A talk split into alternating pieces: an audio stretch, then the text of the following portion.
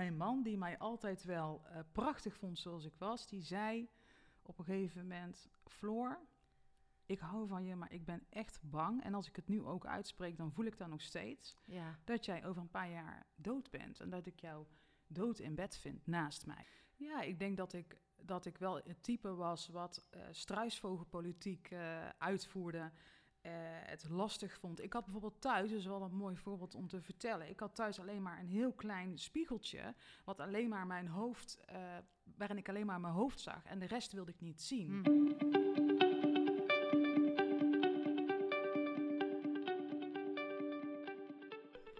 Welkom bij seizoen 2 van de podcast Stilstaan voor Dummies.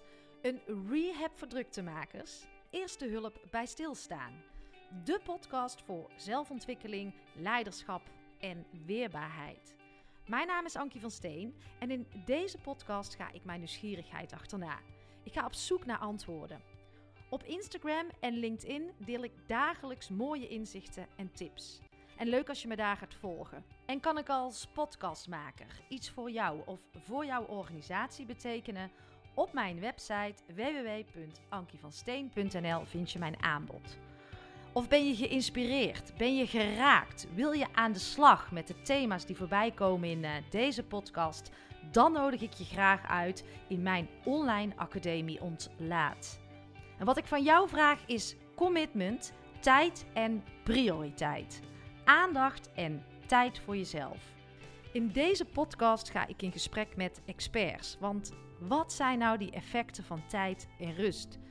En waarom is stilstaan helemaal niet zo eenvoudig? Waar is stilte eigenlijk goed voor? Voor wie? En voor wat? Ik geloof dat alle antwoorden al in jou zitten. Je moet er alleen naar durven luisteren. En dat stemmetje in jou schreeuwt niet, maar fluistert. Echt jezelf durven zijn vraagt om moed en lef. Want het is o zo eenvoudig en veiliger om je te laten leiden door de waan van de dag en wat anderen van jou eisen. In deze podcast daag ik jou uit om te gaan doen wat jij echt wilt. Weer te voelen en voluit te gaan leven. Vrij en onafhankelijk te zijn. Jouw droom achterna. En dat vraagt ook om alles aan te gaan en alles aan te kijken. Ook als het even spannend wordt, want daar zit jouw groei en dat weet jij. Dus handen uit de mouwen, het zit in jou, het is aan jou. Lieve luisteraars, Anke hier, welkom en fijn dat jullie weer luisteren. Floor is de strijd met de kilo's aangegaan. Ze is maar liefst 45 kilo afgevallen. Nou, diepe buiging, respect Floor. Maar het is een proces van vallen en opstaan geweest. Ze is niet voor de quick wins gegaan. Uh, niet alleen de lusten, nee, zeker ook de lasten. En daar gaat ze je alles over vertellen. De verstoorde relatie met eten heeft bij Floor heel lang geduurd. En deze aflevering heeft mij geholpen om vanuit andere perspectieven naar overgewicht te kijken. Want er kunnen zoveel redenen zijn waarom iemand te zwaar is. Maar wat wel een feit is, is dat veel mensen te zwaar zijn. 1 op de 2 Nederlanders heeft overgewicht en 1 op de 6 Nederlanders heeft obesitas. En wat zegt ons dit? Wat hebben wij te doen samen? Maar wat heb jij te doen? Welke handreikingen kunnen we elkaar bieden? En waarom is het zo ontzettend lastig om de visieuze cirkel van overgewicht te doorbreken? Kwetsbaar durven zijn, over onze schaamtes heen durven stappen, hulp vragen, de realiteit en jouw pijn durven aankijken. Dingen bespreekbaar maken, elkaar helpen, eigen verantwoordelijkheid nemen want je bent niet alleen. Ik ging in gesprek met Floor van der Steen.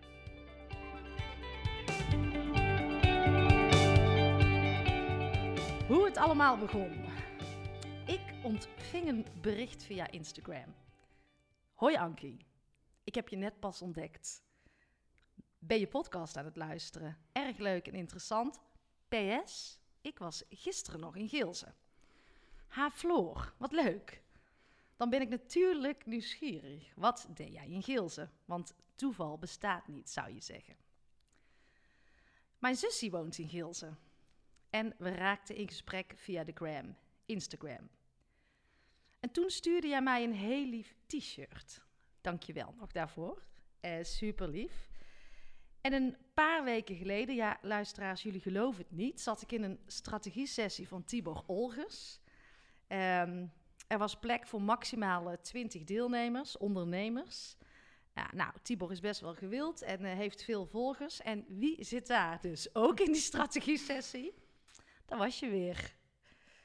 Nou ja, hoeveel toeval, of liever gezegd synchroniciteit, mag er zijn? En dan heb je ook nog de naam Floor van der Steen. Hele mooie achternaam, al is die van mij dan wel Van Steen. Ja, welkom Floor. Dankjewel. Super uh, fijn uh, dat ik hier mag zijn. Ja, volgens mij heeft dit gewoon echt zo moeten zijn. Ja, dat denk ik ook. En uh, dat is eigenlijk ook de hele intentie van mijn podcast. Mijn gevoel en nieuwsgierigheid achterna. Dingen laten ontstaan in plaats van heel hard en heel geforceerd op zoek naar gasten. En jij kwam op mijn pad. En volgens mij hebben we een heel mooi um, onderwerp om, om te gaan bespreken samen. Ja, dat weet ik wel zeker. Hoe ben je opgestaan vandaag? Hoe voel je je? Hoe is je dag? Nou, ik uh, ben heel vroeg opgestaan en dat uh, heeft mede te maken met mijn hond die uh, mij eigenlijk letterlijk wakker blaft. Oh, echt? Uh, ja, dus dan ga ik altijd eerst een boswandeling maken. En dat is, schrik niet, tussen zes uur, half zeven ben ik meestal in het bos te vinden. Early maar bird. Dat, ja, maar dat vind ik ergens ook heel fijn, omdat ik dan punt 1 echt in mijn eentje ben. Ik kan in mijn eentje opstarten. Mm -hmm. En het is ja, meteen een boost voor mijn gezondheid. Dus uh, kijk, een aantal jaar geleden had ik dat nooit kunnen bedenken. Maar nu ben ik heel erg dankbaar dat, uh, ja, dat ik dit zo doe. Mooi. Ja, want ik wil jouw levensverhaal horen. En de, ik denk dat we gewoon gaan beginnen bij het begin. Um, en dat echt vanuit positiviteit gaan bekijken van wat kan er allemaal wel. Volgens mij ben jij daar het voorbeeld van. Um, delen is helen. Het verhaal op tafel brengen, onze kwetsbaarheden laten zien, onze schaamtes laten zien. Um, want volgens mij uh, zat er een hele tijd geleden 45 kilo meer aan. Nou, er zit hier, uh, jullie kunnen het niet zien, maar een prachtige vrouw voor me. um, ja, ik kan me bijna niet voorstellen, maar neem ons eens mee. Wat is er gebeurd? Wat, hoe is het ontstaan? Ja, goede vraag. Um, als kind zijnde was ik nooit zwaar, maar ik was wel, toen ik in de puberteit kwam, hè, rond mijn 11e, 12e, was ik al bezig met uh, ja, hoe ik eruit zag. Ja. En ik denk dat heel veel meiden zich hierin wel herkennen, dat je je toch gaat vergelijken met de ander. Je vindt jezelf misschien wel dikker dan, uh, dan de ander. Mhm. Mm -hmm. En wat ik ging doen was op dieet. Ja. Uh, nou had ik ook wel een moeder die helemaal niet te zwaar was, maar uh, die wel altijd bezig was met de lijn. Vroeger Mhm. noem je dat nog lijnen. Ja. Ehm, dus ik was eigenlijk tot een jaar of 16, 17 helemaal niet te zwaar. En uiteindelijk ging ik in nou, rap tempo, werd ik 20 kilo in een jaar, um, ja, werd ik zwaarder. En hoe oud was je toen? Ja, rond de 17, 18. Mm -hmm. um, ik ontwikkelde een, een eetstoornis, bulimia. Daar heb ik wel direct hulp voor gezocht. Daar is uiteindelijk wel uh, verholpen. Maar echt de verstoorde relatie met eten heb ik tot vijf jaar geleden had ik dat. En dat hield in dat ik uh, altijd wel bezig was om gewicht te verliezen op soms hele ja, bijzondere manieren. Ja. Uh, heb alles geprobeerd. En dat was dan heel even een succes. En vervolgens ja, raakte ik toch weer in de slop. Ja. En werd ik zwaarder. Ja, en, dat is, en, en op een gegeven moment is daar dus een moment gekomen, uh, jouw doorbraak, dat je dacht, ja, en nu ben ik daar zo fucking klaar mee. En wanneer kwam dat? En wat gebeurde er? Nou, dat weet ik nog heel goed. Mijn, mijn man, die mij altijd wel uh, prachtig vond zoals ik was, die zei op een gegeven moment, Floor, ik hou van je, maar ik ben echt bang. En als ik het nu ook uitspreek, dan voel ik dat nog steeds. Ja. Dat jij over een paar jaar dood bent en dat ik jou dood in bed vind naast mij. Mm -hmm. He, ik was inmiddels, ik had zo'n hoge BMI, ik had uh, medicatie van hoge bloeddruk, ik had slaapapneu, ik was altijd moe, ik had Mhm. altijd pijn. Maar ik kon die cirkel niet meer doorbreken. En ik dacht, ik heb zoveel geprobeerd. En ik had al wel in mijn hoofd van ja, ik moet iets doen. Maar ik vond dat woord, de maagverkleining, vond ik zo spannend. En ik schaamde me er eigenlijk heel erg voor dat ik dat nodig had. Maar uiteindelijk ehm, dacht ik, ja, ik moet, ik moet iets doen. Dus ik ben naar de huisarts gegaan en uiteindelijk een verwijzing uh, aangevraagd. Gekregen. Ja, kijk, en jouw man zei van, ik maak me zorgen. Nou heb ik, ehm, nou het is misschien een vraag die, die in mijn hoofd spookt. Ik heb die soms ook wel bij mensen uit mijn omgeving. Um, en niet alleen bij mijn omgeving, maar gewoon dat ik naar de hele maatschappij kijk. En dan mag je dan uitspreken dat je die zorg hebt. Heb jij die zorg zelf ook gehad? Of stopt je die weg? Dat, is gewoon waar ik nieuwsgierig super naar ben. Super vraag. Nou, ik werkte uh, op dat moment in een gevangenis in Vught als uh, psychiatrisch verpleegkundige. En wat ik uh, deed, wat als, als iemand er iets over mijn gewicht zei, ja. werd ik daar heel vaak boos over. Ja. En ik had zoiets van, waar bemoei je je mee? En het, het, waren ook wel vaak opmerkingen die niet helpend waren. Van, uh, zit je nou alweer te eten? Ja. Of uh, ga eens meer bewegen. Ja. Um, pff, jeetje, hou je het zo nog wel vol? Ja. Niet helpende reacties. En ik denk dat ergens weet je diep van binnen dat je helemaal niet oké okay bezig bent. Nee. En dat er iets moet veranderd, dat je iets moet veranderen. Ja. Maar je vindt het heel lastig, denk ik, om op dat moment geconfronteerd te worden met de realiteit. En op het moment dat je daar klaar voor bent en je gaat even uh, dat opzij gooien en je staat klaar om uiteindelijk hulp te ontvangen, mhm. dan ontstaat er heel veel ruimte. Mhm. Maar de zorg over jouw eigen gezondheid, wat je man zegt, ik denk dat jij uh, niet oud gaat worden of ik maak me zorgen uh, dat je een keer dood naast me in bed ligt. Um, die zorg had je ergens wel, alleen je was ook goed in staat om heel ver weg te stoppen. Is dat wat je, wat je zegt? Ja, ik denk dat ik, dat ik wel het type was wat uh, struisvogelpolitiek uh, uitvoerde. Uh, het lastig vond. Ik had bijvoorbeeld thuis, dat is wel een mooi voorbeeld om te vertellen. Ik had thuis alleen maar een heel klein spiegeltje, wat alleen maar mijn hoofd waarin ik alleen maar mijn hoofd zag en de rest wilde ik niet zien. Mhm. Ik ging ook nooit uh, de laatste jaren naar de winkel toe om kleding te kopen, omdat ik dat veel te confronterend vond. Dus ergens wilde ik het ook niet zien. En ik denk dat de mensen die nu aan obesitas lijden, want het, er is een verschil tussen overgewicht en obesitas, en één op de zes mensen in Nederland heeft obesitas, dus dat is een, echt een groot aantal. Mhm. Um, dat heel veel mensen het lastig vinden om die realiteit onder ogen te mhm. zien. Mm En jij zei van het zijn vaak uh, um, niet helpende um, opmerkingen. Wat helpt? Hoe zou ik, uh, wat had jou geholpen als, als mensen zouden, als jouw collega's, wat zouden ze dan tegen jou gezegd moeten hebben? Ja, nou de oorzaken van overgewicht die lopen heel erg uiteen. Dus als jij tien mensen op een rijtje hebt en jij gaat een anamnese, dus jij gaat helemaal uitspluizen uh, wat er precies aan de hand is. En bij de mhm. ene is het stress, bij de andere is het medicatie gebruiken. Want je hebt bepaalde medicatiesoorten waar je juist dikker van wordt. Hè? Dus als antidepressiva of prednison. Um, of slaapgebrek. En als je dus allemaal gaat kijken, oké, hoe komt het dat jij overgewicht creëert, heb je tien verschillende verhalen. Mhm. En ik denk zelf dat in mijn geval uh, stress een van de grootste boosdoener is geweest. En iedereen heeft wel stress, ook slanke mensen ja, hebben, hoor. hebben stress. Ja. Uh, maar de vraag is, um, wat is jouw escape? Dus escape bedoel ik mee, ik ging heel veel eten. Mm -hmm. Bij de anderen was misschien weer alcohol, ja. sigaretten, noem maar op. Hè? Ja. Dus dat is, uh, dat is een heel interessante om dat voor jezelf nu al te gaan onderzoeken. Ja, en dus ook als jij iets zegt tegen iemand, om, om veel meer vanuit wat daaronder zit, het gesprek te voeren. Hè? Van wat, omdat, en dat kan dus heel erg verschillend zijn, geef je aan. Maar niet altijd uh, meteen van eet niet te veel. Uh, dat gewoon meer het gevolg daarover nou, het gesprek te sterker nog, ik denk dat wij best wel het rupsje nooit genoeg syndroom hebben met z'n allen. Ja. Um, en ik moet zeggen, ik ben daar ook nog steeds wel gevoelig voor. Dus bij mij is het hè, van, nou, als ik iets voor handen heb, dan denk ik, nou, hup... Uh, uh, meer, meer, meer, wat jij altijd heel mooi zegt. Ja. En daar herken ik me wel in. Ja.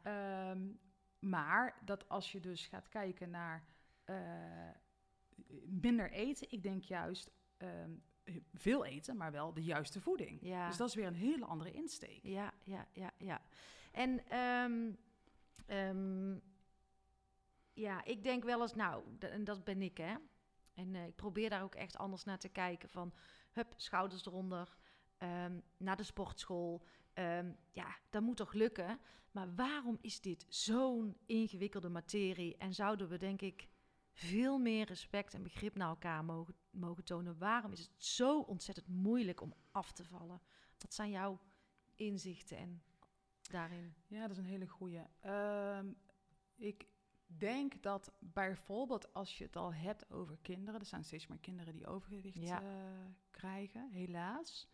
Het start allemaal wel bij ons. Hè? Jij bent moeder, ik ben moeder. Dus het start al wel bij eh, hoe ga je überhaupt om met voeding, maar ook met een stukje zelfvertrouwen, zelfbeeld, met beweging. En alles is eigenlijk op dit moment eh, heel comfortabel. Hè? Ja. We hoeven maar eh, nou ja, te bellen en eh, nou, het thuisbezorgd staat voor de deur. Ja, Ehm, wil je naar de sport gebracht worden? Nou, eh, mama die doet het wel eventjes. de curlingmaatschappij. Precies. Ja, ja, ja. Ehm, dus alles is heel erg comfortabel. En als jij gevoelig bent om al overgewicht te hebben, want het kan natuurlijk ook een genetisch, eh, het kan ook genetisch zijn. Mhm.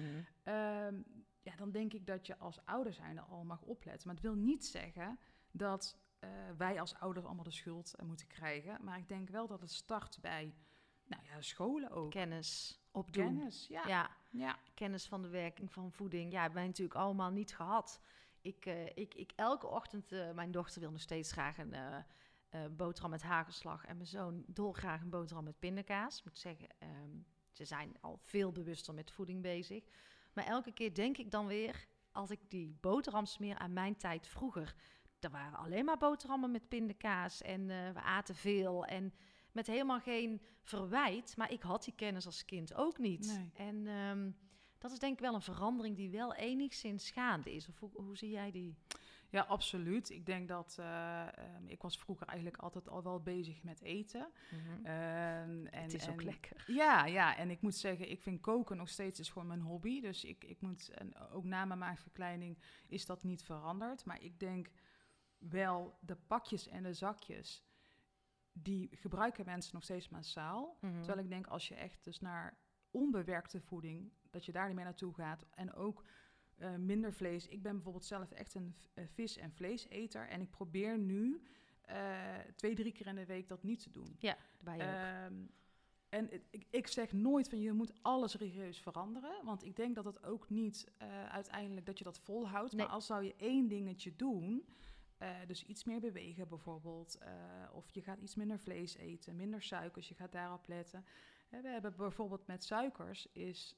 We hebben ongeveer 25 gram per dag nodig, maar we eten er 120 gram per dag Ja. gemiddeld. Ja, moet je eens kijken. Ja, ik vind dat wel een eh, goede tips, luisteraars.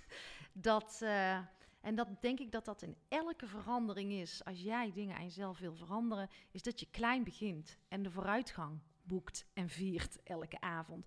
Want een dieet in één keer, het stuur om, is eigenlijk het stuur om, het roer om, is gewoon niet. Dat, is, dat lukt niet. Dat kunnen we als mens en ons brein gewoon niet aan. Nee, nee, ik denk ook wel dat eh, heel veel mensen die willen de quick fix. En dat is heel herkenbaar. Ja, de lusten en niet de lasten. Precies, Ja. en ik wilde ook altijd in korte tijd veel afvallen, maar dan vooral niet te veel moeite doen. Ehm, maar dat hou je niet vol. Dus je kunt beter een doel hebben van nou, ik wil ehm, in één jaar wil ik bijvoorbeeld 10 kilo afvallen. Heeft dat al heel veel gezondheidswinst. Mhm. En als je bijvoorbeeld, het is ook lastig om af te vallen, want als je één koekje per week eet met eh, en, en je beweegt niet meer, dan kom je per jaar één kilo aan. Dus Ja. één koekje per week. Ja. Dus zo makkelijk is het eigenlijk om aan te komen. Ja, ja. En nou, nou heb ik ook altijd, toen ik bijvoorbeeld wel eens een maand niet eh, dronk, ehm, of, ehm, of, of, of dacht, nu ga ik echt tien weken sporten en eh, eh, ook echt kijken naar mijn voeding. Ik heb me ook heel vaak een soort van zielig gevoeld. Dat ik dacht, ja, nu is mijn leven niet meer gezellig. En er zijn allemaal programmeringen achteraf. Wat ik, allemaal verhalen die ik mezelf vertelde. Maar ehm, waarom is dat toch? Waarom blijven we dat zo koppelen aan gezelligheid en dat we denken dat we geen leven meer hebben als we dus eigenlijk gaan kiezen voor wel een gezond lijf? Ja. Waar zit dat? Nou, ik denk als jij jong bent, eh, en dan, dan spreek ik bijvoorbeeld ook wel namens mijn dochter die 15 is. Die willen allemaal op dit moment eh, snel hun eh, behoeften bevredigd hebben. Dus Eh, zij gaan echt niet denken, nou, wat is, het, wat is het nu op lange termijn als ik dit of dat wel of niet doe? Ja. Wat is het effect daarvan? ja, ja. Terwijl wij nu op een, uh, dat bedoel ik heel goed, op een leeftijd zijn dat we iets ehm, ruimer kunnen denken, eh, beter vooruit. Meer context. Precies. Ehm, maar dan nog is het, als jij niet per direct een, een verschil merkt, vinden mensen, die haken ze heel snel af. Mhm. Plus het feit, wat jij echt zegt van nou, eh, ze hebben het gevoel dat je niks meer mag. Mhm. Maar zo is het helemaal niet. Ik Nee. denk dat je juist jezelf ju- echt wel iets mag gunnen. Zeker. Dat hele, dat hele ehm, ja, ik ben ook geen gezondheidsgoeroe die nooit meer een chocolaatje neemt of nooit meer een wijntje. Nee, maar het is wel een balans. Ja, ja, de juiste balans. Hoe vaak ben je teruggevallen? Hoe vaak heb je het geprobeerd? Eh, voor de maagverkleining? Mhm. Oh, dat kan, ik kan niet eens tellen. Nee. Ik denk tientallen keren. En ehm, hoe ging jij om met hulpvragen? Hoe betrok jij jouw omgeving hierbij? Ik eh, was altijd een slechte hulpvrager. Ik dacht altijd, ik eh, moet het zelf doen. Ik schaamde me bijna om hulp te vragen om, eh, ja, als ik iets nodig had. Was heel hard voor mezelf. Ja. Hoe zit dat bij jou? Ja, ik, herkenbaar. Ik denk dat het bij mij wel ook was dat ik, ehm, als ik keek naar mijn omgeving, eh, mijn zussen zijn allemaal slank, mijn vriendinnen zijn allemaal slank.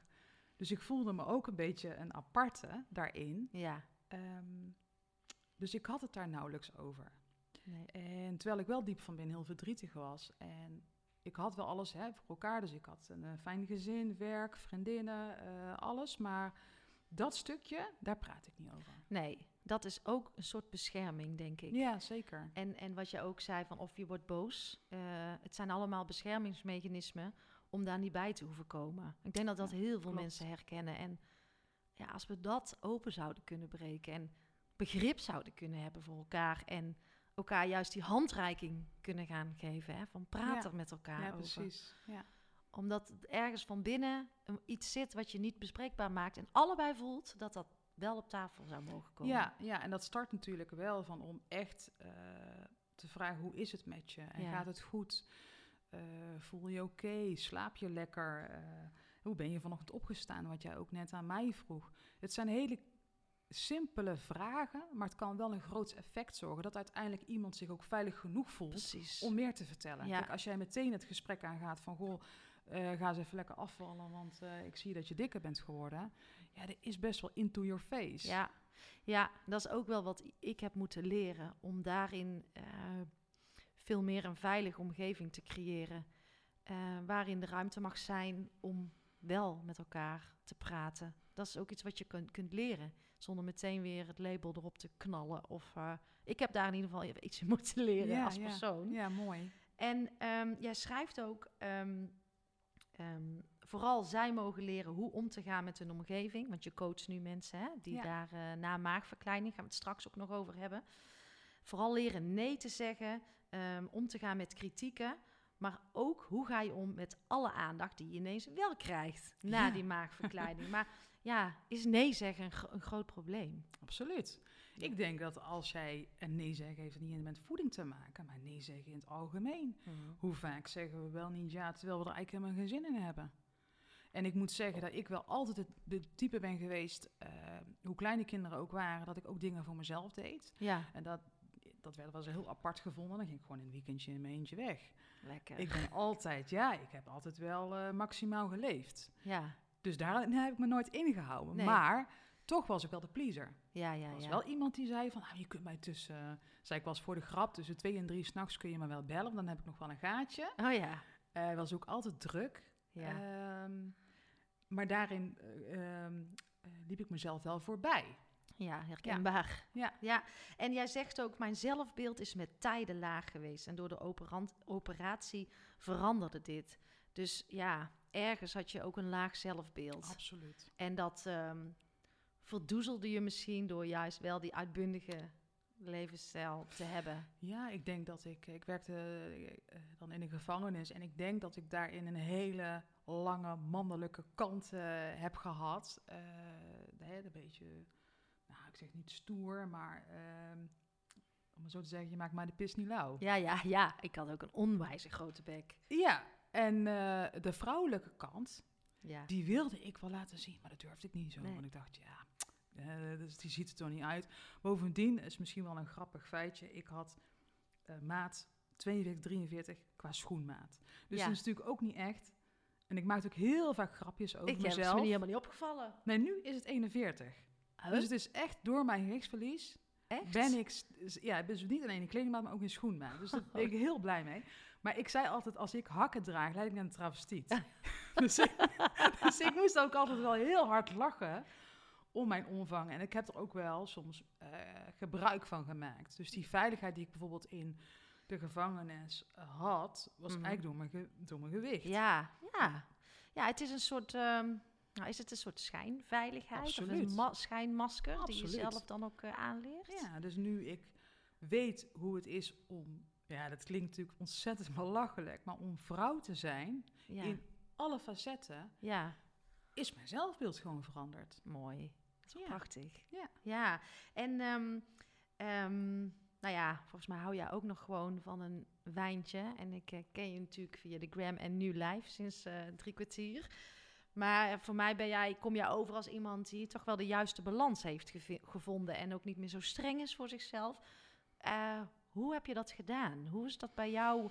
Wanneer dacht jij, ja, nu eh, begin ik het te begrijpen hoe het werkt? Wat, aan welke knoppen heb je moeten draaien? Ik heb heel veel uitgeprobeerd. Ja. En ik ben ook wel een voorstander van dat mensen eh, meerdere dingen gaan uitproberen voordat je denkt, nou, dit past bij mij. Ja, Eh, ik denk ook wel dat je een aantal keer gewoon op je bek moet gaan, om maar zo te zeggen. Ja. Dat dat erbij hoort, dat het ook prima is. ja orde, Eh, chaos, orde, zeg ik ja, altijd. Ja, absoluut. Ja. En ehm, voor mij is het heel erg belangrijk geweest dat ik op een gegeven moment eh, de keuze maakte om ontslag te nemen in de gevangenis. Omdat ik daar echt wel een prima plek had met doorgroeimogelijkheden, fijne collega's. ja, een hele interessante werkplek. Ik heb Mhm, alles gezien wat je maar voor kan stellen. mhm.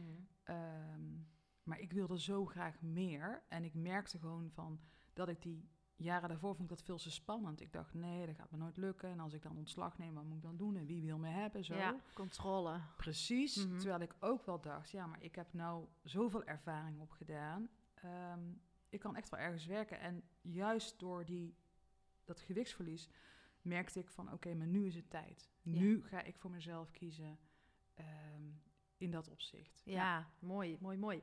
En ehm, jij zegt, ik ga dus, maar dus die balans, ehm, ja, je hebt daar, je hebt daar lang over gedaan om te kijken wat werkt, wat werkt niet. Kun je genieten van een wijntje? Kun je genieten van een bossenbal? Of, of, of hoe, hoe doe je dingen niet meer?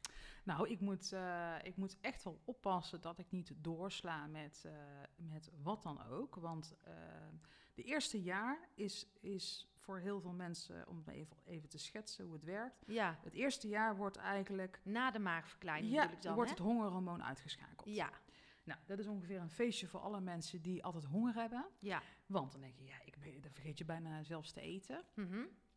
Ehm, dus dat is heel fijn. Ehm, en, dan, en dan heb je ook, de meeste mensen talen ook niet naar zoetigheid of Nee. wijn.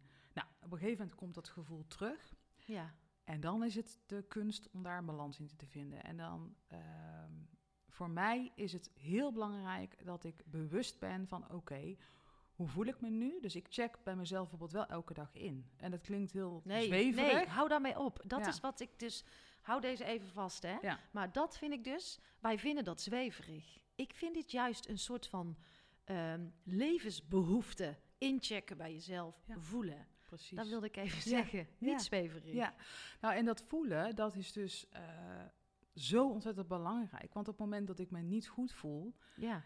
moet ik juist niet grijpen naar die chocolade. En het is niet Mhm. erg als ik dat een keer doe. Mhm. Maar de- eh, het, het is juist zo belangrijk om te onderzoeken, ja, maar wat, waar heb ik nou eigenlijk behoefte aan? Ja, ja. En is dat wijntje, is dat omdat ik eh, me even relaxed wil voelen? Of is dat omdat ik er echt zin in heb? Ja, dat gesprek, die dialoog al met jezelf. Ik denk Ja. dat we dat dus overslaan door drukte, Precies. door altijd maar bezig te zijn. En ehm, daarmee kun je al, eh, anders zit het er alweer in voordat je die intuning hebt gedaan. Ja. Dus ik vind het zo'n waanzinnig goede tip Ja, wat jij hier nu eh, geeft. ja, en we moeten ook niet vergeten dat we in Nederland 2 miljoen geregistreerde verslaafden hebben. Ik denk eerlijk gezegd dat er 17 miljoen verslaafden zijn. Zit Ja. er één tegenover je, nou ja, ik. nee, nou, maar goed, het, al is het in je mobiel. Ja, En ja, die, ja. Die ja. stofjes, dopamine, die, die Ja. gaan aan. Ja, Floor. En dat is ook met eten. Dus het, het is echt belangrijk dat je je bewust bent. En, het, en dan, dan heb ik het ook weer over welke escape gebruik jij op Ja. het moment dat je je rot voelt. Ja, goede vraag. Ik, eh, ik denk, eh, mijn telefoon eh, is, blijft ook een issuetje. Ik besef elke ochtend, god, wat ik ding nu niet. En voordat ik het weet, heb ik hem weer in mijn handen, hoe hardnekkig het is. Ja. Ik trap er elke dag weer in. Ja. Ehm, dus bewustzijn, ja. Eh, kan ik het al goed onder controle krijgen? Nee Nee. zeg ik eerlijk. En ehm, hoe, ik heb merkt ook dat, kijk, ik heb nooit eh, gedeeld met overgewicht. Het zwaarste wat ik ben geweest, 68, vond ik voor mezelf al zwaar. Nou, dat was mijn Eh. geboortegewicht. Heerlijk, wat een Ja. mooie baby. ja, heel mooi. Ja, leuk voor je moeder ook. ja, heel, ja, was vlotte bevalling. ja, ja, daar kan ik me alles bij voorstellen. ik, ehm, ik eh, eh, ja, nu denk ik, ik weet niet eens waar ik schommel. Ook af en toe wil ik daar niet naar kijken, zeg ik eerlijk. Ook soms wegkijken. Ehm, maar ik voel me gewoon goed in mijn lijf. Precies. Maar veel eten ehm, eh, is voor mij toch ook een stukje verdoven geweest. Af en toe dan, oh, nou verdien ik dat drankje wel, doe ik nog steeds. Ik merk Ja. dat ik daarvan ontspan. Maar ik merk als ik te veel eet, dat ik mijn voelen kwijtraak. Ja. En eh, ik, ik, ik, zit, ik voel me, ik, sinds ik weer voel, ben ik ook, wil ik ook minder eten. Want ik, ik wil bij mijn gevoel kunnen. Herken Ja. jij dat? Ja, natuurlijk. Ik denk dat als je het hebt over, want ik ben overigens nog steeds psychiatrisch verpleegkundige en ik vind juist die processen zo interessant, eh, zowel in, de- in, de, in de darmen als het brein. En dan heb je het ook wel over het voelen. Ehm, op het moment dat jij eh, eet, eh, en zeker als je met suikers, dan gaat dat natuurlijk uiteindelijk ook, heeft dat invloed op je stemming. Ja, En heeft Ja. het invloed op je, op je nou ja, gevoelens en, en misschien ook wel de keuzes die je uiteindelijk maakt en, Ja. en je energiegehalte. Mhm. Dus op het moment dat je heel veel eet, dan ga je inderdaad minder, nou ja, je gaat misschien ook wel juist misschien wel meer voelen. Dat is, dat is, eh, dat is uiteindelijk het effect als je dat heel vaak doet. Mhm. En dan kun je ook weer depressief van worden. Ja. Dus Ja. ja, het heeft allerlei neveneffecten. En ehm, jij zegt dus na het eerste jaar, dan is het eigenlijk, daarna krijg je die, die, die cravings eh, weer. Hè? Wat ehm, zijn er mensen die ook door die maagverkleining weer heen kunnen eten? Ja, het is, het is zo dat eh 20% van de mensen die een maagverkleining hebben ondergaan, en ongeveer 12.000 operaties worden er per jaar uitgevoerd, dus dat is best wel veel, Fors, ja. die komen weer heel veel aan. ja. En dat zijn eh weergetallen 20% die geregistreerd staan, maar het kan goed zijn dat dat er veel meer is. Meer want er zijn, zijn. mensen die heel, zich heel erg schamen dat ze weer zijn aangekomen. Ja, kijk, en ik denk dat we dat niet moeten onderschatten. Want kijk, het is natuurlijk, eh, if you are ill, take a pill. En dat is een beetje misschien, en daar mag jij mij echt bij helpen, eh, om daar ook van een ander perspe- perspectief naar te leren kijken. Ehm, als jij maagverkleining neemt, dan is het opgelost. Zo van, eh, of ik neem een spuitje, dan is het opgelost. Eh, ehm, en ik denk, ja, is dat per definitie die maagverkleining nodig om eh, af te vallen? Of is, het, hoe, hoe, of is het juist de duw die je nodig hebt?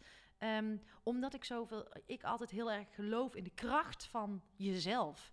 Alleen niet, niet iedereen kan het, denk Ja, ik. Maar ja. ik wil breder leren kijken dan daar meteen het label op te gooien. Jij bent zwak en jij kiest voor de makkelijke weg. Ja, nou ehm, slechts 1% met morbide obesitas, en daar viel ik dus ook onder, die kan uiteindelijk duurzaam afvallen. Dus dat is, dat is echt maar een heel klein percentage en dat heeft met verschillende oorzaken te maken. Hè, dus het kan uiteindelijk zijn dat iemand eh, een medicatie eh, nodig heeft. Nou, door die medicatie word je ook weer zwaarder. Ehm, er zijn allerlei ehm, systemen eigenlijk kapot in je lijf. Ja, Dus die maagverkleining is als een, kun je ook zien als een soort reset. ja, En het mooiste zou zijn als we het voor zijn. tuurlijk. Dus tuurlijk. ik pleit dan ook niet voor een maagverkleining. Ik pleit dan ook niet, nou ga je maar lekker helemaal nog meer eh, vol, eh, vol eten zodat je in aanmerking komt. Helemaal niet zelfs. Ik zou willen dat we het allemaal niet nodig hadden. Mhm. Ehm, en, maar ik denk dat het wel belangrijk is om voordat je aan een maagverkleining begint, dus dat je Mhm. überhaupt het traject ingaat, want het is een heel traject, Mhm. dat je dan wel een aantal dingen hebt opgelost.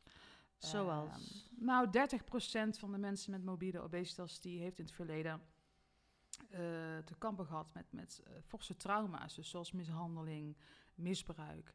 En dat is natuurlijk een heel groot aantal. 30 procent, 30 procent, ja. Wow. ja. Dus als je dat niet aanpakt, ehm, dan komt dat vroeg of laat terug. Ja, ja. Daar dus- ben ik echt van overtuigd. Ja, en he- maar niet iedereen is zich bewust dat dat trauma speelt misschien. Of, Nee, nee. Dus ik denk ook wel dat, ehm, dat daar een, een, ehm, dat werk te doen is in de ziekenhuizen, want die doen de screening. Ja.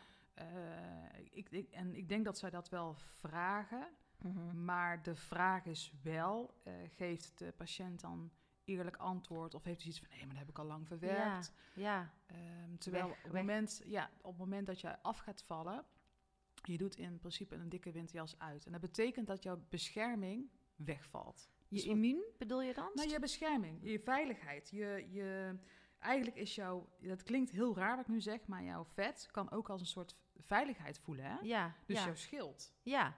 Nou ja, kan ik me iets bij voorstellen. En dat valt dan weg. dat valt dan weg. En het is ook zo op het moment dat jij jouw copingmechanisme, Mhm. dus hoe ga je om met stress Mhm. en met angsten, Mhm. zoals we nu natuurlijk afgelopen jaar enorm Zien. eh, zien, Ja, hoe ga je daarmee om? ja. Dat zijn allemaal dingen die je van tevoren zou, eh, ruimte zou kunnen geven. Ja. Van hoe ga je daar dan mee om? En dit, zijn de, dit kan er ook met je gebeuren. En, en hoe, hoe kijk je naar je identiteit? Precies. En, en is dat het iets wat, wat ze in het ziekenhuis al aan kennis en kunde hebben? Of zou dat zich meer mogen ontwikkelen? Dat hebben ze wel. En eh, ik, ik, ik weet zeker dat ze echt wel hun best doen om informatie goed te verstrekken. Mhm. Maar het is ook zo, wat wil je horen? Hè? Ja. Dus jij denkt, ehm, en dat, die fase die herken ik wel. Op een gegeven moment ben je erover uit, ik wil geopereerd worden. Mhm. En dan gaat er iemand jou dingen vertellen en in- informatie verstrekken. Maar dan denk je, ja, jij ziet jezelf al op die operatietafel liggen. Doe maar snel die operatie en dan ben ik er vanaf, kan Ja. ik afvallen. ja. En ik kom nog wel die link leggen, ja, ik moet ook daarna aan de bak. ja. Het is niet helemaal van heb, alles, eh, al- alles verdwijnt door de operatie. Nee, helemaal niet. Maar Nee. er zijn wel heel veel mensen die dat wel denken. Ja, ehm, ik, ehm, nou ja, dat is ook wat Tibor ook zo mooi zegt, hè. We zijn een beetje de vechtlust kwijt Ja. om voor onszelf... Het is een soort filter- en reddermaatschappij. Krijg ik steeds meer eh, door. Van, of we zetten er een filtertje overheen... of de redder moet van buiten afkomen. Precies. En wat ook, wat ik, ik merk ook wel dat ik nu veel mensen spreek die dan zeggen, ja, ik ben niet voldoende geholpen in het ziekenhuis. Maar dan leg ik ook uit, het is geen therapeutische setting. Nee, het is een ziekenhuis. Ja, Dus wil jij meer en ga jij uiteindelijk ehm, voelen van, oh, dit is niet helemaal eh, wat bij mij past of ik heb meer nodig. Ik heb bijvoorbeeld zelf familieopstellingen gedaan, mhm. twee ja. jaar geleden. Ja. Had ik echt nodig. ja. Omdat ik merkte, ja, er zijn toch een aantal dingen waar ik tegenaan loop. Of, nou, dan, dan zoek ik daar hulp voor. Ja, ja, jij bent echt gaan kijken van... eh, wat heb ik op te lossen? Precies. Wat heb ik aan te kijken? Eh, en dat ook echt aan gaan kijken. Ja. En dat is eh, iets wat zeker parallel moet lopen, zeg jij dus, als jij zo'n traject eh, Ja. ingaat. Dus, dus de, de, de, een soort maagverkleining kan een mooie reset zijn, zeg jij. Ja. Snap ik helemaal. Aan de voorkant wel ook al die andere dingen aanproberen te kijken. En aan de bak blijven als je daarna ook bent. als je die maagverkleining hebt gehad. Ja, precies.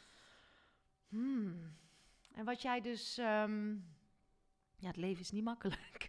Het is hard Het is werken. best complex. Ja. En obesitas is echt wel een Ja, complexe... ik eh, hoor het wordt ook wel eh, gezien als ziekte. ja. Nou vind ik het wel altijd zo... Ja, je kunt ook in die slachtofferrol gaan zitten en Ja. denken... Ja, nee, inderdaad. Ik ben inderdaad te zwaar. Dus er is geen, eh, er is geen eer meer aan te behalen. Dus ik blijf lekker Netflixend op de bank hangen. En eh, hè, de sportscholen zijn dicht eh, geweest. Dus eh, nou, ik blijf nog wel even zitten. Mhm.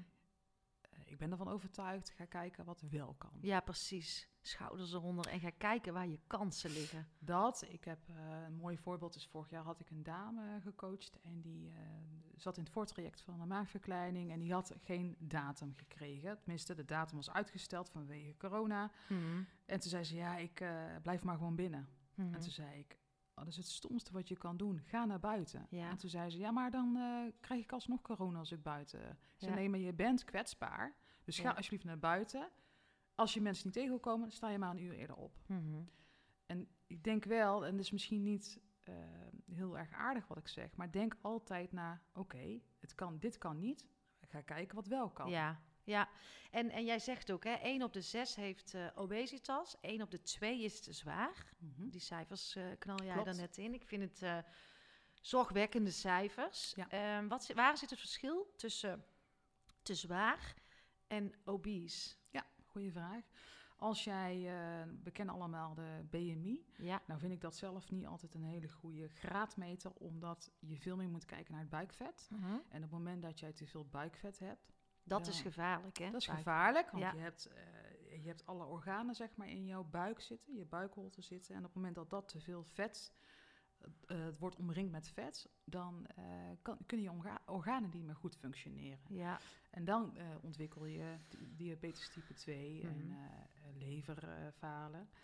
Ehm, dus overgewicht is, eh, is eigenlijk de start van iets waar je eigenlijk dan al zou aan moeten pakken. Mhm. Eh, en dat creëer je, of overgewicht heb je dus vanaf een BMI vanaf eh, 25 tot 30. En obesitas is een BMI van 30. 30.000. En als jij bijvoorbeeld 1,70 bent en je, je weegt 70 kilo, heb je een gezond BMI. Weeg je 80, zit je er al overheen. Ja, En dan heb jij, weeg je 100, heb je obesitas. Dus zo Mhm. moet je het een beetje Zien. zien. en jij zei net van, ik, heb, eh, ik had slaapapneu, ik was moe. Ik, ja, ik kan me voorstellen dat je op een gegeven moment steeds verder in zo'n visieuze cirkel terechtkomt. Hè? En ehm, ehm, wat zijn nou de vier, de, de schijnbaar, ik sprak Evelien Peters ook van het artsencollectief en die zei 60% zijn eigenlijk eh, onverklaarbare klachten. Klachten die leefstijl gerelateerd zijn. Ja? Ehm, ja, wat zijn nou die vier, wat, wat zijn volgens jou de, de, de vier grootste eh, risico's, klachten die ontstaan vanuit verkeerde leefstijl? Is dat diabetes of hart- en vaatziekten?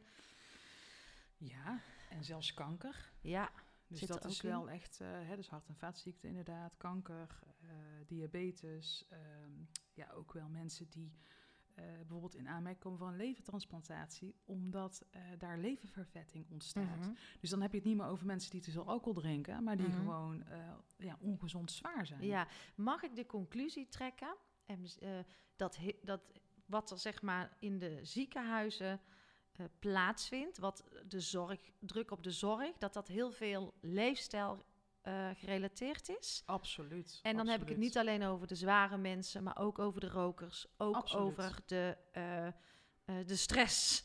Alles.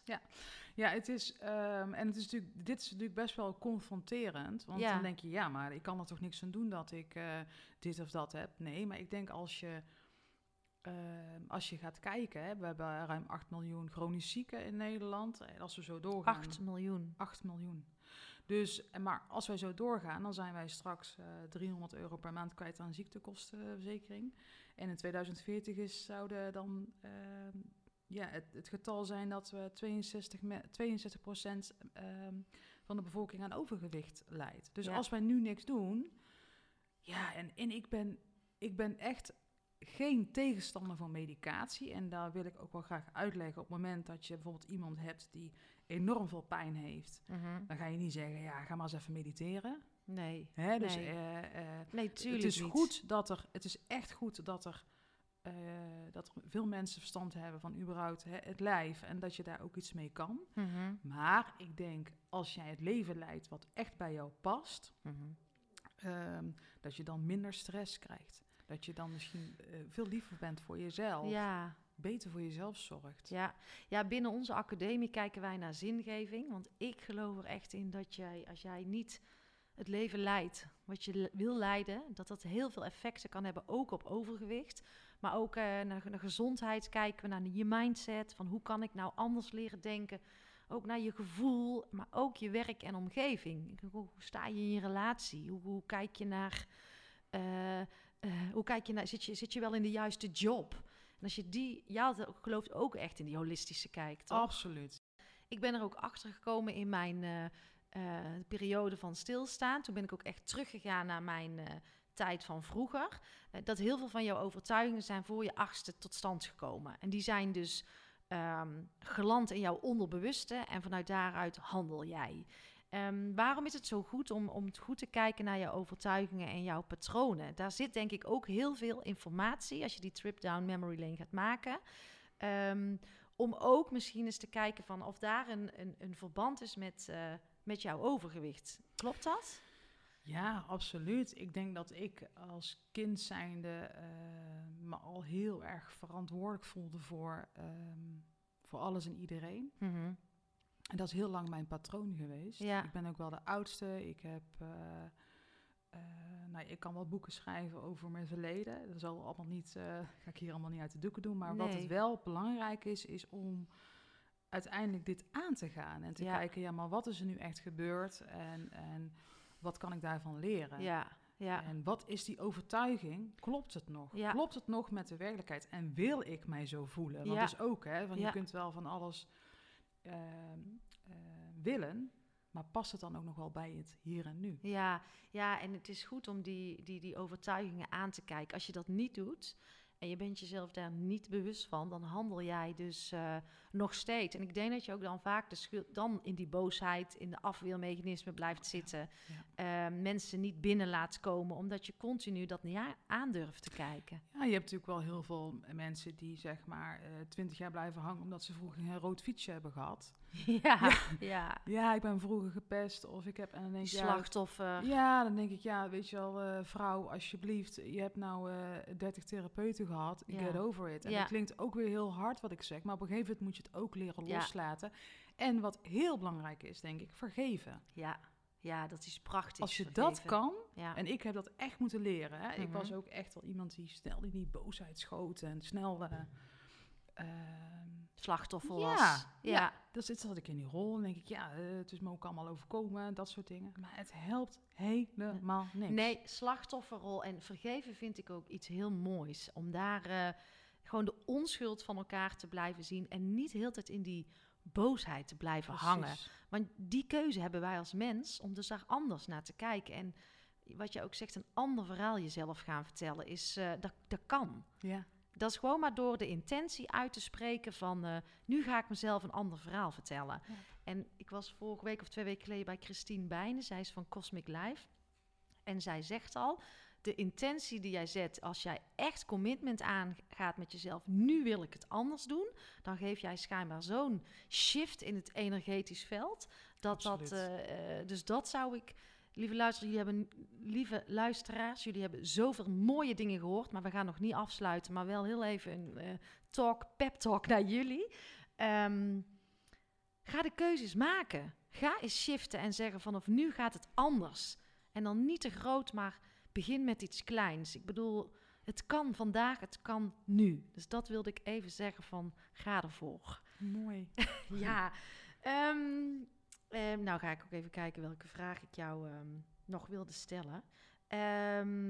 Ja, wat kunnen we vooral nu doen? We hebben het over korte termijn en lange termijn eh, doelen. In oktober, wie weet, komt er volgende lockdown er weer aan. Ehm, gaan we afwachten of gaan we iets doen? Wat, wat is jouw advies? Ik hoop echt uit de grond van mijn hart, want ik word eerlijk gezegd heel verdrietig van het feit dat mensen nu eh, weinig doen. En ik zeg niet iedereen, ik kan niet iedereen over één Nee, kam scheren. Nee, moeten we niet doen. Maar ik zie toch wel heel veel mensen die denken, hop, we gaan feesten en eh, eh, we gaan los. Ehm, maar we, we denken niet aan het stukje langer termijn. Dus we gaan goed voor onszelf zorgen, Ja, in alle opzichten.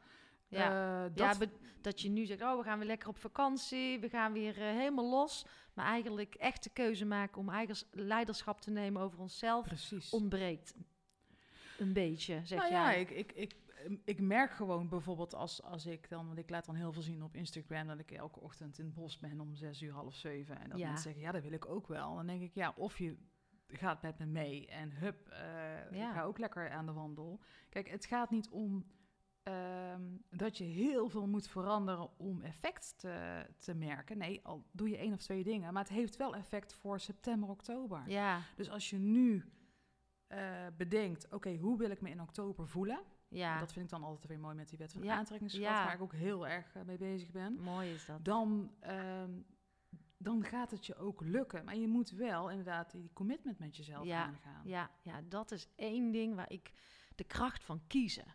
Precies. En commitment gaan, dat empowert je zo. Ja. Dus eh, ja, jij zegt van nou, laten we ook naast heerlijk op vakantie gaan, als we denken dat dat ons eh, het geluk geeft, Ja. laten we daarnaast ehm, ook naar onszelf gaan kijken. En kijken wat we zelf kunnen doen Ja. als mens. Ja. Om onze verantwoordelijkheid te nemen. Om niet nog in oktober nog een keer. Ja, ik denk dat heel veel mensen eh, die, die, eh, die trekken dat echt niet. Want die, die, eh, ik heb nu al wel gezien hoeveel schade het geeft aan, aan kinderen, aan, aan, maar ook ouderen. Ja, eigenlijk aan iedereen. Je kunt niet zeggen één specifieke doelgroep. Ik Nee, denk dat iedereen. En ik moet zeggen, ik heb er zelf ook last van gehad. Ik en ook. zeker toen de sportscholen dichtgingen, dacht ik, wat is dit voor een, als ik het zo mag benoemen, een achterlijke regel. Ja, Het slaat mist. helemaal nergens op. Nee. Ehm, en een aantal dingen, ja, weet je, daar wil ik me niet over uitspreken. Maar een, maar een sportscholen dicht. Mhm. eh, ik, ik, ik, snap, ik snap het gewoon niet. Nee. Ik, ik, en dan denk ik, ja, je wilt toch werken aan je gezondheid. Maar de gal en gal is wel gewoon open. Ja, Heel krom. Maar eh, ja, je bent verantwoordelijk voor het grootste gedeelte voor je eigen lijf Ja, en eens. leven. Dus doe er dan ook wat mee. Ja. En laat niet... Kijk, een ander kan nooit verantwoordelijk zijn. nee. Dat zijn we zelf. Wij Ja, kunnen onze toekomst gaan nooit. creëren. Ja, En dat hebben we, die verantwoordelijkheid hebben we met elkaar te nemen. precies. Ehm, eens. Mooi, mooi gezegd ook. En ik denk dat we dat ook gewoon uit mogen spreken. Ja. En dat je dan echt geen wappie bent of een eh, Absoluut niet. eh, aluminium hoedje draagt of eh, weet ik veel. En een ander is geen schaap. nee. Ehm, maar er mag wel focus komen op een gezonde levensstijl. Ehm, Zonder elkaar kwijt te raken. Weet je, we moeten vooral de verbinding, we moeten het samen gaan doen. Dat Ja. vind ik heel belangrijk. Ja. Ehm, want wat is voor jou, even, je zit natuurlijk in de podcast Stilstaan voor Dummies. En jij gaat heerlijk wandelen. Maar wat is voor jou, je hebt ook al intunen genoemd. Wat is voor jou nou stilstaan? Nou, ik ben een enorme chaot. Ik kan heel druk zijn, met veel dingen tegelijk bezig zijn. Dus voor mij is stilstaan eh, van essentieel belang. Ja. En dat doe ik onder andere door te wandelen, maar ook door een stukje mediteren. Mhm. Ik ben een beetje ambivalent hierin hoor, wat ik nu zeg. Want ik heb wel graag mensen om me heen. Mhm. Ik hou echt wel van die verbinding, maar ik ben ook graag alleen. Ja, was een vraag die ik ook had. Kun jij goed alleen zijn? Ja, fantastisch. Kon je dat altijd? Altijd. Ik heb eh, best wat gereisd, ook in mijn eentje. En dat vond ik heel fijn. Mhm. En echt die stilte opzoeken. ehm, en, en ik denk dat dat... Ik heb dat nodig om uiteindelijk ook die antwoorden te vinden. Mhm. Want we worden zo ontzettend verleid En afgeleid door zoveel prikkels... dat het bijna ehm, noodzakelijk is om eventjes die rust te pakken voor jezelf. Mhm. En in te tunen Precies. en af te stemmen op je hartje Ja. in plaats van in ons hoofd. Ja. Ja, ja dat is voor mij ook wel stilstaan. En, eh, en dat gewoon elke dag jezelf gunnen. Ja, precies. Gewoon zorgen dat je de fundament goed is. En Ja. niet pas met je vakantie of... eh, Nee, het is gewoon eh, wat, jij ook vertelde in jouw, een van jouw eerste podcasts... van dat jij altijd van vakantie naar vakantie leefde. Ja. En dat het, hè, je had altijd een heel snel leven. Je, de, de, het was ook niks was gek, of Nee. was het niks was te gek, hè? nee. En dat her- herken ik heel erg. Het was, ik was altijd wel in voor een feestje en eh, voor iets nieuws. Superleuk, maar uiteindelijk eh, merkte ik ook van, pff, ook best wel vermoeiend. Vol en leeg. Ja, ja, En het is veel voller geworden sinds je veel meer ruimte geeft aan jezelf, toch? ja, precies. En ik denk als je dat, als we dat allemaal zouden doen, dan zou er minder stress zijn, minder eh, overgewicht, Ja. eh, minder scheidingen, Ja. meer geluk, Ja. meer verbinding. Ja. Dat zijn allemaal mooie dingen. Want hoe, ehm, nou ja, was je grootste valkuil? Die wil ik ook nog weten. Ah, heb je even? Nee, Eh, eentje mag je eentje, noemen, ja. je allergrootste. Nou, ik ben, ik ben toch wel het rupsje nooit genoeg eh, type. Dus Mhm. eh, die, die ehm, eh, als ik zeg maar eh, die, die chocoladereep voor mijn neus heb, moet hij op. dan moet hij op. Dat Dus heb je ik- nog steeds. Ja, en ik heb dus daarom is het gewoon voor mij het beste om het niet te halen. Ja, Of als ik, ik ben ontzettend jaloers op mensen die zeg maar zo'n heel klein glaasje wijn van 100 milliliter tussen 8 en 12 kunnen laten staan. En dan ook nog het laatste slokje overhouden. ik zie Ja. het niet eens voor me. Nee, nou ja, ik dus ook niet. Dus, dus ehm, ik, ik weet dat van mezelf. Ja. En, en eh, dus kan ik ook beter. Ik kan het soms ook wel toelaten dat ik denk, nou ja, weet je wel, eh, nu mag Mhm. het. Mhm. Maar niet te vaak. Nee, Punt. nee. Ja, want dat rup je nooit genoeg, dat blijft in je zitten. Ja, en wat bij mij wel heel erg helpt, is dat ik toch wel een soort, eh dat klinkt misschien heel vreemd, maar een voorbeeldfunctie heb in mijn werk. Het zou heel raar zijn als ik straks weer 20, 30 kilo aankom en ik ga de ander coachen van... eh, Ja, practice what you preach. precies. Ja. Dus voor mij is het ook wel een goede stok achter de deur. Mhm, mhm. Ja. Drie tips. Even, en dan, eh, wat- die jij nu, eh, als iemand luistert, waarin het borrelt in de buik en denkt van ja, verdomme, raak, raak, raak, gelijk, gelijk. Je hebt gelijk, je hebt gelijk, ja, ik weet het. Drie tips om in beweging te komen. Wat zou jij dan, wat komt er als eerste in je op? Nou, beweging bedoel je sporten of bedoel jij eh, het mentale stuk? Ik denk, nou, beide. Wat nodig is om te gaan bewegen, om, om richting een gezondere levensstijl te komen, om te gaan afvallen. Wat, wat, Nou, ik vind, je moet sowieso gaan kijken, niet zozeer op van ik wil 10 kilo afvallen en dan ben ik gelukkig. Nee, wat levert het jou die 10 kilo op?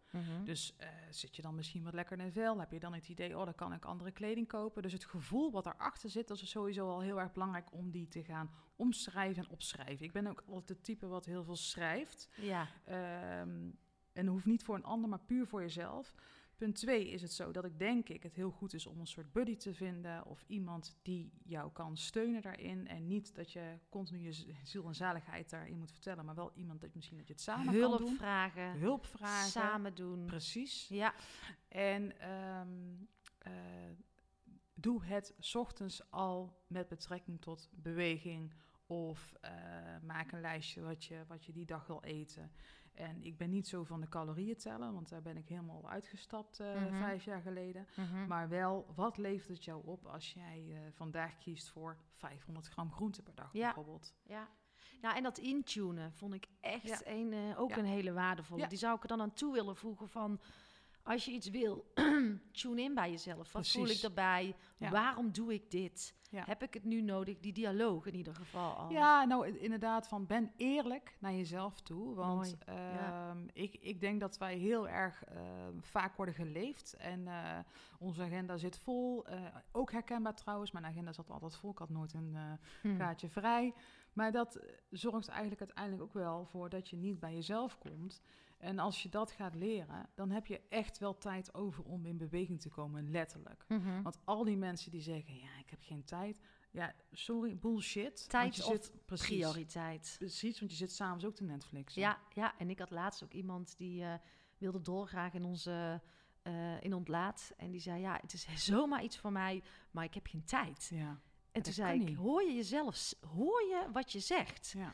Je hebt iets nodig, maar je hebt er geen tijd voor. Ja. Ja, ik, ik ben er ook klaar mee, om heel eerlijk te zijn, dat eh, ik wil dat liefdevol wel terugspiegelen van, hoor je nou wat je zelf Ja. aan het aandoen bent? ja, ja. Maar Maar je moet je ook voorstellen, denk ik, eh, en, ehm, dat eh, niet iedereen wil dat horen. En dan moet je er op een gegeven moment ook uitstappen. ja, zeker. Dus je kunt, hè, ik heb in het begin van mijn...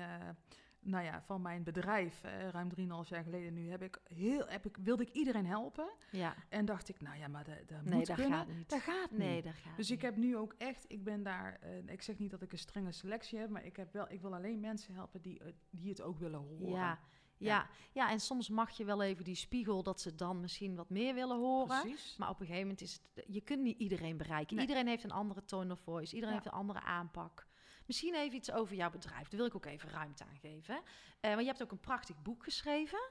Eh, dan ga ik heel even goed kijken. Nou, leven met, leven met een maagverkleining, het is eigenlijk een e-book eh, geworden. Ehm, en daarin omschrijf ik eigenlijk mijn reis voor mijn maagverkleining en, eh, en eh, ja, het leven daarna en, en wat, het, eh, wat het je oplevert. Maar ik heb ook mensen geïnterviewd, zoals Sonja Silva, die dan eh, Ja, die, die ook een eh, maagverkleining heeft ondergaan. Ehm, ja, dat is ontzettend leuk om daaraan mee te werken. En ik merk ook wel dat er steeds meer mensen zijn die die wat meer willen weten. Van ja, Mhm. maar hoe werkt dat nou? Of ik ken iemand in mijn omgeving. Mhm. eh, hoe, kan ik diegene, hoe kan ik diegene het beste helpen? Ja, en je praat op scholen. Ik ga eh, sowieso projecten doen om gastlessen te geven eh, omtrent voeding en overgewicht. En dan wil ik eigenlijk ook die insteek maken over een stukje zelfbeeld en zelfvertrouwen. Wauw.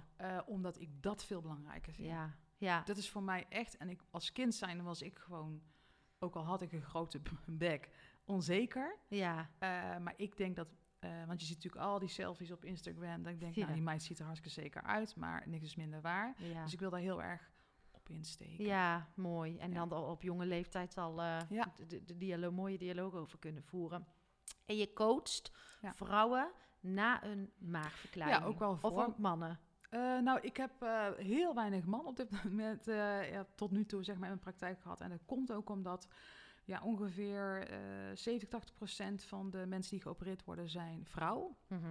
Ehm, en mannen vinden het ook wel wat lastiger, denk ik, om, om hulp te vragen. Mannen, Eh, vraag hulp. Doe mannen het. vragen hulp. Ik heb heel veel ervaring met mannen helpen. In ieder geval, in, Ja. de gevangenis heb ik natuurlijk heel lang getraind en eh, ehm, ja, mensen begeleid. Mhm. Maar ehm, de meeste mensen die ik begeleid zijn na een maagverkleining. Ja, ja, Ja. ja. En eh, ik zal alles eh, in de show notes zetten. Ook een linkje naar jouw e-book en een linkje naar jou. Eh, mocht het resoneren en denk je bij Floor moet ik zijn. Ik bedoel, vind jou. Een laatste vraag en dan gaan we naar de afronding. Ehm, wat is er nodig om elkaar te blijven begrijpen? Er is onwijs veel polarisatie op dit moment. Tweedeling. De mensen die helemaal voor lifestyle, gezondheid gaan. Eh, de andere mensen die daarin toch eh, eh, wat anders staan.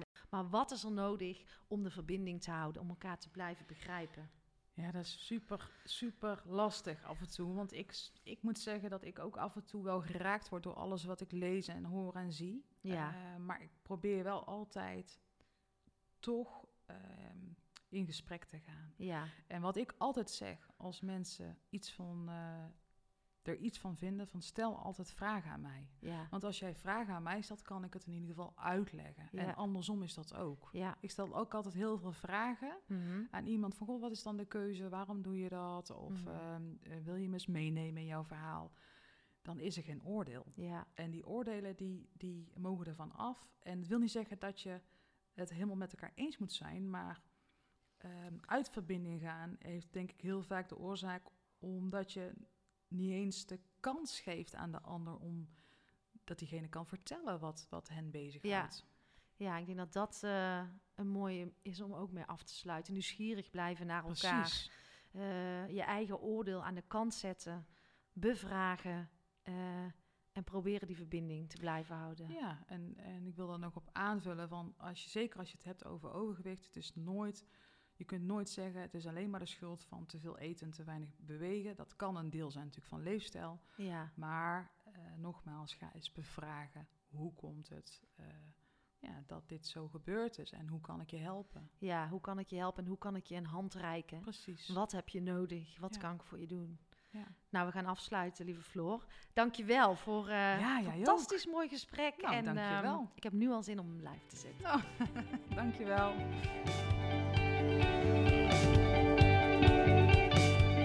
Dankjewel, lieve luisteraars. Mooie dingen zijn er weer gezegd door Floor. Floor, dankjewel. Je bent een eh, fijn mens. Is overgewicht alleen maar de schuld van te veel eten en te weinig bewegen? Deze aflevering heeft mij geholpen om breder en liefdevoller naar dit thema te kijken. Maar het betekent niet dat we moeten wegkijken voor de uitdagingen waar we voor staan, waar jij voor staat. En voordat ik ga afsluiten, wil ik je graag vragen om een kleine wederdienst voor alle gratis content die ik met liefde maak. Ehm, zou je voor mij een review willen achterlaten in iTunes? Want daarmee kom ik hoger in de ranking en kan ik nog meer mensen bereiken met mijn missie. Ehm, in de show notes vind je bovenaan de link en dan kan je meteen eh, je review achterlaten. Of deel de podcast in jouw eh, social media kanalen en doe het vooral op de manier die bij je past. We doen het voor de ander, maar wat betekent dat voor jou? Voor mij betekent dat dat we nieuwsgierig blijven naar elkaar, elkaar vragen stellen. Dan kan de ander het aan je uitleggen, minder oordelen, meer verbinden, elkaar helpen. Maar ook eigen verantwoordelijkheid nemen, kennis opdoen, dat er ruimte mag zijn voor ieders mening en dat we vanuit meerdere perspectieven ergens naartoe kunnen kijken. Tune eens wat vaker bij jezelf in. Ga in gesprek met jezelf. Gun tijd aan jezelf.